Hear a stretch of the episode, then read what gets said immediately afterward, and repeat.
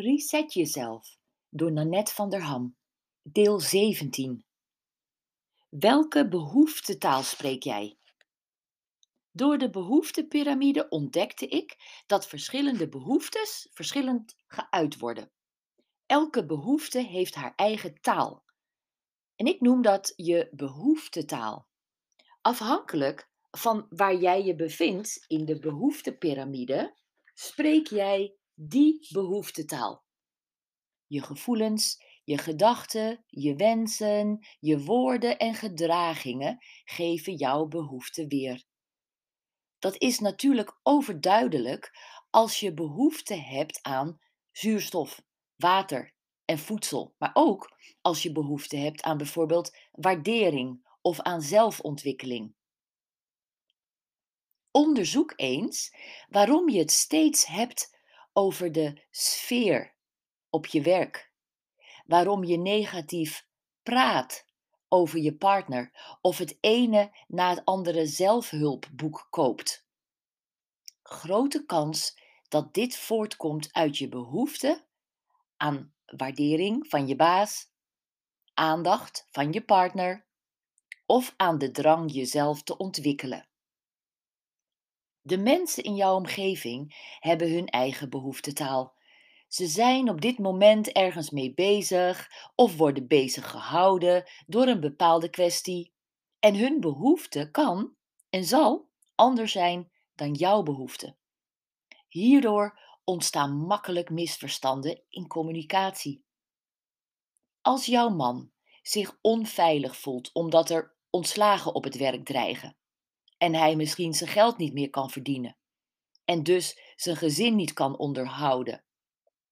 En jij voelt je verwaarloosd omdat hij teruggetrokken en kortaf is. Herken jij dan dat je man op het behoefteniveau veiligheid dak boven je hoofd zit? En jij op het niveau behoefte aan erkenning en waardering? Of sterker nog, herken je dat jullie allebei behoefte hebben aan veiligheid, je man de veiligheid van een vaste baan en jij die van een man die jou aandacht en erkenning geeft, maar dat je dan toch elkaars taal soms niet verstaat?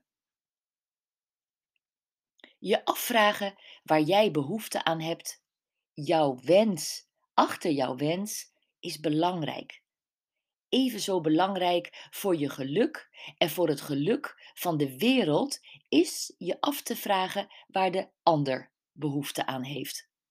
Omdat je dat vaak in je eentje niet kunt beantwoorden, vraag je dat aan die ander. Waar heb jij op dit moment behoefte aan?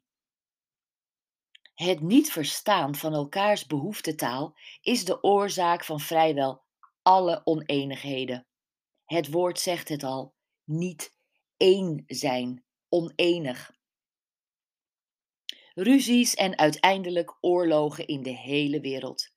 Het is meestal de oorzaak van scheidingen, burenruzies, uit elkaar gevallen families en slechte oude kindrelaties. We verstaan elkaars behoeften niet.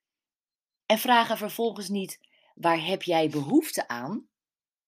Het uitspreken van deze vraag en het luisteren naar het antwoord lost vaak al zoveel onduidelijkheden en problemen op dat daarmee een levensfacet, bijvoorbeeld familie, van de ene op de andere minuut opgewaardeerd kan worden. En in het volgende hoofdstuk kom ik hier onder we hebben maar voor de helft gelijk op terug. Tot de volgende keer. En denk op dit moment eens na welke behoeftetaal jij op dit moment spreekt. En misschien welke behoeftetaal de mensen om je heen op dit moment spreken. Neem er een paar minuten de tijd voor.